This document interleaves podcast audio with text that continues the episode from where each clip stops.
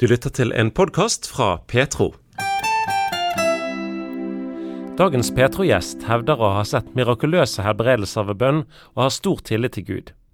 Tilliten holdt òg gjennom tapet av konen, som døde til tross for langtidsbønn om helbredelse. Oddvar Søvik blir ikke lei av å studere Bibelen, og dele det han oppdager der, med andre gjennom bøker og forkynnelse. For tiden er jeg pensjonist. Jeg har i grunnen aldri hatt det så travelt som nå.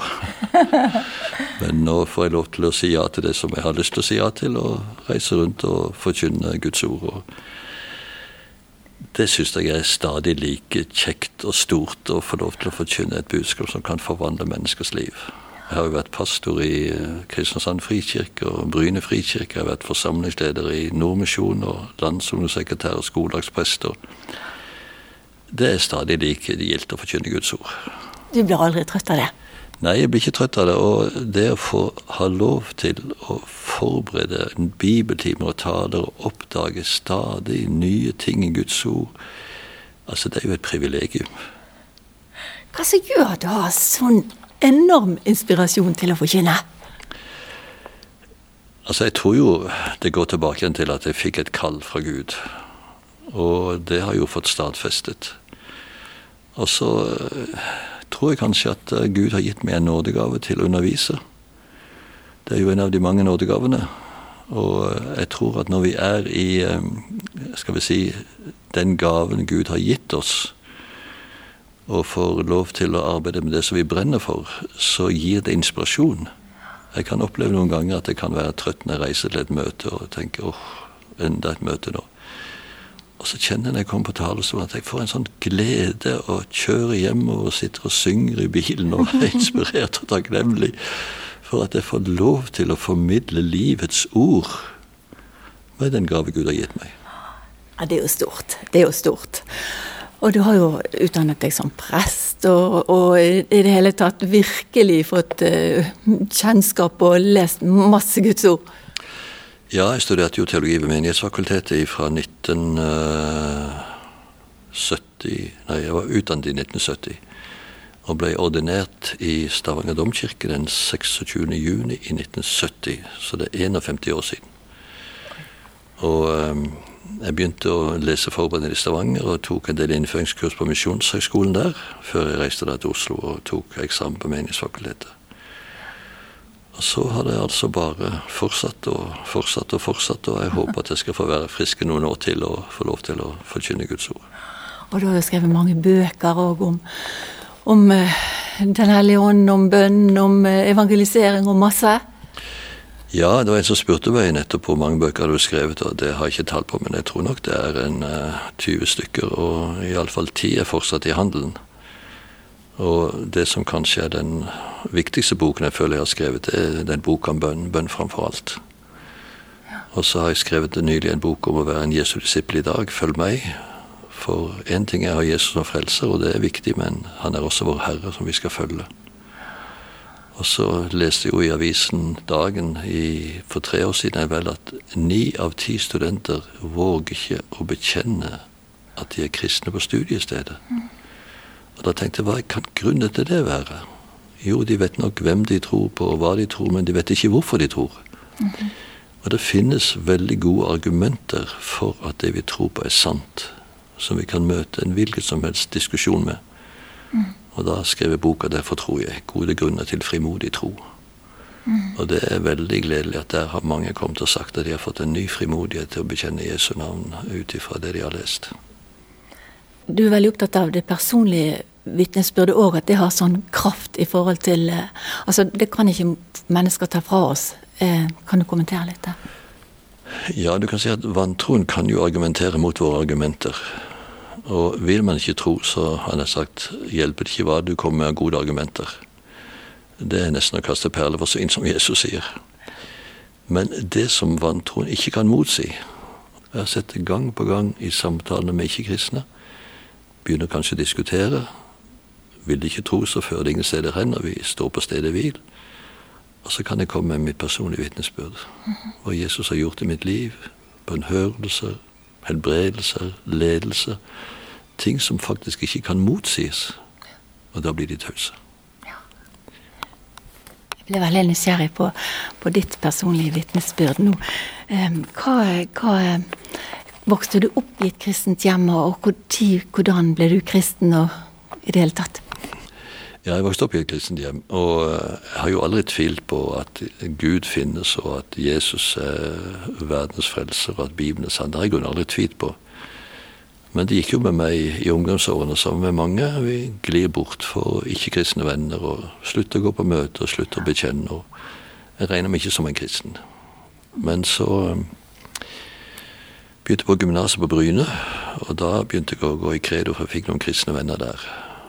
Og uh, en kveld så talte predikanten veldig alvorlig om Jesu gjenkomst og sa at hva ville skjedd med deg hvis Jesus kom igjen i natt? Ville du blitt med, eller ville du blitt latt tilbake? Han la det inn over oss med sånt alvor at jeg var helt skjelven etterpå, for jeg visste veldig godt at hvis Jesus skulle ha kommet igjen den natten, så kunne jeg bare stå og vinke til de som ble med de som tok av. Mm -hmm. Og det var ingen god følelse. Så jeg kom tilbake til hybelen min også fortvila og fant fram en bibel og slo opp på måfå leste det første som øynene falt på. Det var 2. Korinterne 5,21. Han som ikke visste av synd, altså Jesus, har Gud gjort til synd for oss, for at vi i ham skal stå rettferdig for Gud. Og Jeg har en nokså livlig fantasi, så jeg så liksom for meg at jeg liksom var inni Jesus. Og hvis Gud da så på meg, så så han jo bare Jesus. Så jeg knelte ned ved sengen på hybelen og så sa jeg, Jesus, nå kommer jeg til deg, la meg få være skjult i deg. Og så ble jeg fylt av en fred og en glede og en visshet. Og plutselig så skjønte jeg også dette ordet som jeg hadde lært på søndagsskolen i Romen 8.1, så er det ingen fordømmelse over den som er i Kristus Jesus. Bokstavelig talt. Mm. Og selv om det har gått opp og ned i livet mitt siden, så har jeg alltid hatt denne vissheten. Jeg er en kristen, jeg er et Guds barn, ikke pga. min innsats, ikke pga. mine anstrengelser, men pga. det Jesus har gjort. Mm. Og så har jeg jo opplevd at Gud har ledet meg på forskjellig vis. Han har hørt mine bønner, gitt meg underlige bønnhørelser. Jeg har opplevd helbredelse selv og opplevd å være for syk som har blitt helbredet. Og jeg har erfart at Jesus lever. At jeg kan ingen ta ifra meg. Skulle jeg benekte det, så måtte jeg nesten være uærlig. Så du har rett og slett opplevd helbredelse sjøl òg? Ja, den siste jeg opplevde, var jo nesten litt komisk. Jeg var på en retreat på The Holy Island of Lindisfarne. Og der fikk jeg vite at uh, hver siste søndag i måneden så var det forbønnsgudstjeneste for syke. Og det gikk på rundgang i den katolske og den anglikanske og den reformerte kirke på øya. Det var tre kirker der. Og denne søndagen skulle det være forbønnsgudstjeneste for syke i den katolske kirke. Det var interessant. Det må jeg gå og se på.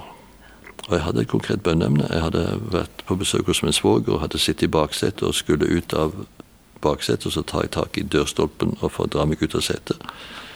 Og det så ikke sønnen hans som satt i forsetet, så han slenger døra over fingrene. Og jeg kunne ikke rette ut fingrene, jeg trodde de var knust, men eh, det var ikke godt.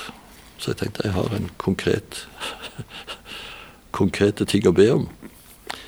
Og da pateren hadde holdt sin tale og inviterte frem til forbønn, så gikk jeg frem.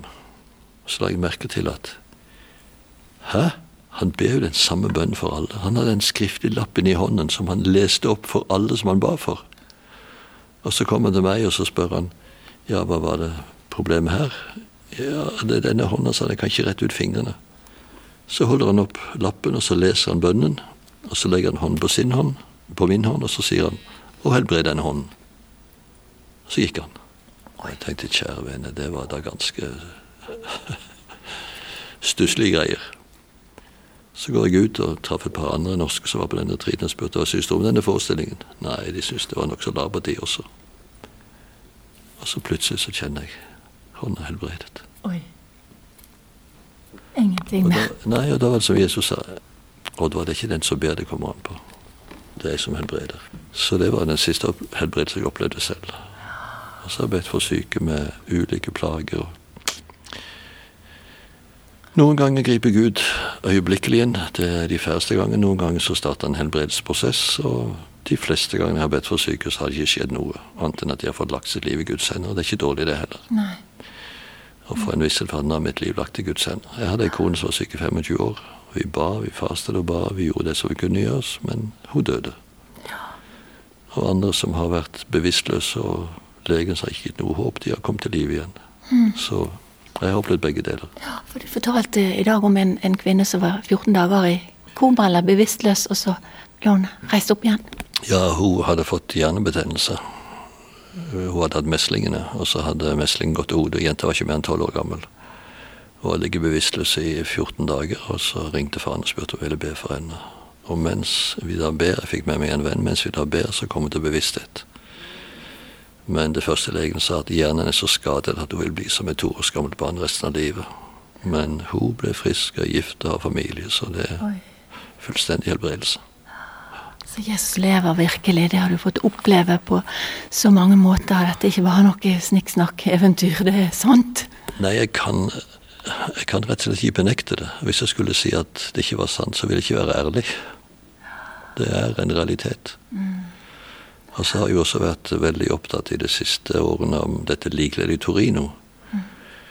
De har jo forsket på det nå i over 100 år, men spesielt fra 1973 og frem til i dag. De finner stadig nye ting som bekrefter at dette er det kledet som Jesus ble lagt i da han døde. Og Første gang jeg fikk se det i 2010 og så disse blodflekkene og tenkte dette er Jesu blod gitt for meg. Jeg ble så grepet at jeg sto bare og gråt foran dette kledet. Jeg kunne nesten ikke fortelle om det i ukevis etterpå uten å ta til tårene. Så her har vi faktisk et utenom Bibels bevis på at alt det som står i evangeliet om Jesu lidelse og død, er sant. Og De hadde jo en stor pressekonferanse i 1981 da de hadde forsket på dette kledet i tre år, brukt 150 000 timer, 400 vitenskapsmenn jobbet kontinuerlig. Og da på denne pressekonferansen spør en journalist har dere funnet noe som motsier det evangeliet forteller. Og da var det et samstemmig svar fra 40 ulike forskere som representerte like mange vitenskapsgrener. Ingenting. Ingenting. Alt som vi har funnet, stemmer med det som Bibelen forteller. Og til dags dato har ingen kunnet lage et slikt avtrykk med de kjemiske og fysiske egenskapene som likeledd i Torino har. Og For meg er det ingen annen forklaring enn at det var Guds veldige kraft som reiste Jesus opp fra de døde. Og den kraftutladningen fysisk laget et svimerke på dette kledet som avtegner hele Jesu kropp med alle sårmerkene og alt sammen. Så det er et utrolig sterkt vitnesbyrd i vår tid. Helt utrolig. Men tilbake til Og det var helt fra du var barn, så, så eh, Din bror, Du hadde en bror som døde eh, før du var født, og, og det er en spesiell historie at Gud hadde Nei, din mor hadde sagt at hvis hun fikk en sønn til, så skulle hun eh, gi han til Gud. Ja, det visste jeg ingenting om før jeg var nesten ferdig med gymnaset. Jeg begynte på gymnaset for jeg skulle studere medisin og bli lege. Men siste året på gymnaset så, så følte jeg at Gud kalte meg til å studere teologi. og Det var det siste jeg kunne tenke meg. Og en kveld så ble møtt med dette bibelordet 'Simons sønn av Johannes, elsker du meg?' Og det var akkurat som Jesus stilte meg det spørsmålet 'Oddvar, elsker du meg?' Og jeg kunne ikke si det så sterkt som jeg ville, men jeg sa iallfall 'du vet jeg har deg kjær'. Og da kom det til meg som til Peter. Fø mine lam, vokt mine sauer, fø mine sauer. Og jeg kjente til slutt jeg måtte bare si ja og gi opp mine planer om å studere medisin, og kom hjem og fortalte til min mor at det blir ikke noe av medisinstudiet, jeg kommer til å studere teologi. Og så begynte hun å gråte. Og jeg syns det var jo veldig trist at du skulle begynne å gråte for det. da. Det er vel greit å studere teologi også. Nei, det er gledestårer, sa. Det er gledestårer. Du hadde en bror som døde før du ble født, og jeg lovte Gud at hvis jeg får en sønn til, så skal han tilhøre deg. Så jeg har bedt for deg hele mitt, ditt lange liv så langt at du må bli en Herrens tjener. Så nå har jeg fått bønnesvar, sa hun. Og det var en god stadfestelse. Så din mor var en bønnekvinne, hun fikk virkelig svar på dette her òg. Ja, hun var en bønnekvinne. Hun ba og snakket med Herren om alt. både om økonomi og mange ting. Så jeg har alltid trodd på bønn. Ja, det har jeg. Og Du fortalte i sted at du mistet eh, din kone etter over 40 års ekteskap i jeg forstår det sånn at det var MS, og hun døde. Og eh, ble du bitter på Gud, sint på Gud, og, og så videre fortsettelsen etterpå? Nei, jeg kan ikke si jeg blir bitter på Gud, for jeg skjønte jo at uh, når vi hadde bedt så mange ganger og fått nei, så, så var det liksom ikke det som var Herrens svar. Mm. Men uh, det som var litt uh, sterkt, var det at jeg talte på en seniorleir på Flekkerøy den sommeren hun døde. Og da fikk jeg vite at hans yngre søster som bor i Amerika, hadde kommet til Norge. Og hun skulle komme på besøk til oss dagen før leiren var slutt. Så uh, vi måtte reise hjem før leiren var slutt, og jeg inviterte til forbund da før vi reiste. Både til frelse og til helbredelse og hva det måtte være aktuelle behov. Og uh, mange kom frem, men ikke min kone, for som hun sa etterpå, jeg har blitt bedt for så mange ganger at det var ikke aktuelt. Mm -hmm. Men så var det en mann i forsamlingen som var veldig frimodig og gikk bak til henne der hun satt i rullestol, og spurte om han kunne få be for henne. Jo da, det var greit, det. Og han ba om full helbredelse, full oppreisning, full pakke. Og vi reiste hjem, hadde en hyggelig kveld med min søster og gikk og la oss. Og jeg våkner som regel nokså tidlig om morgenen i 60 og hørte at hun sov tungt og lå bare stille ved siden. Og så trakk hun et par dype sukk, og så pusta hun ikke tungt lenger. Så sa jeg god morgen. Det er ikke noe svar. God morgen, sa jeg. Så var hun død. Halv sju. Samtidig opplevde han mannen på Flekkerøy som hadde bedt for henne, i et syn at han så henne for seg. At hun sto på føttene med løfta hender og priste Gud. Så han sa jeg var overbevist om at nå var hun helbreda. Så jeg var sikker på når jeg kom ned til frokost skulle få vite hun var blitt helbreda. Og så fikk han vite at hun akkurat døde da han hadde det synet. Så tenkte jeg ja, ja, for så vidt hadde han rett. Hun var blitt helbreda. Men på en litt annen måte enn vi hadde tenkt. Mm, nei, gud gud om alle land mann var død, om alle land lå øde. Ja, nei, han har oversikten. Mm. Jeg fikk nettopp en hilsen fra en etiopisk pastor. 'God is in control', skrev han. Mm. Og det er godt å vite. Og du hadde selvfølgelig sorg i mange år, men Gud, han hadde videre planer for deg? Ja, sorg er kanskje ikke det rette ordet, for jeg hadde på en måte sørget henne av, men et stort savn. Mm -hmm. Det å bo alene, sitte til bords alene, komme hjem til tomt hus, ingen å dele sorger med, ingen å dele glede med, nei, det var stusslig. Så hadde jeg vært på en retreat på prestegården i Vigmostad, og da alle hadde reist hjem, ble jeg sittende alene igjen i kapellet, og jeg sa kjære Gud, det må da finnes et eller annet menneske der ute som jeg kan dele livet med. Jeg har ennå forhåpentligvis flere år, og skal jeg gå alene resten av livet? Er det virkelig sånn det skal være? Og så opplevde jeg nesten at Jesus sto foran meg, og nesten sånn Thorvaldsens figur. Så kom det et ord veldig sterkt. Jeg vil gi deg liv og overflod. Mm. Og det var jo et fint ord. Spesielt fint ble det da jeg kort tid etterpå traff ei som heter Liv, og som hun har blitt gift med. Gud har, Gud har jo humor. ja. Oi, oi, oi. Det var helt, helt, helt utrolig. Så nå har du vært gift med hun en stund? Seks år har vi blitt gift nå. I 1. mai i 1970 ble vi gift. Så godt og vel seks år. Og det har vært seks veldig gode år. Og selv om vi kommer fra vidt forskjellige bakgrunner og forskjellige steder i land, så er det altså så mye som stemmer, og vi har det så ufattelig godt sammen. Så jeg bare takker Gud. Guds veier er de, Guds veier er de uransakelige. Vi fatter ingenting. Nei, han har oversikten. Mm. Er det noen bibelvers sånn til slutt som betyr veldig mye for deg, som har gitt deg mye? Du har jo nevnt flere sterke allerede. Altså Filippene 4,6 er jo mitt favorittbibelord. Vær ikke bekymret for noe men la alt som ligger der på hjertet, kommer fram for Gud i påkallelse og bønn med takk. Og Det står ikke bønn og takk, men det står bønn med takk.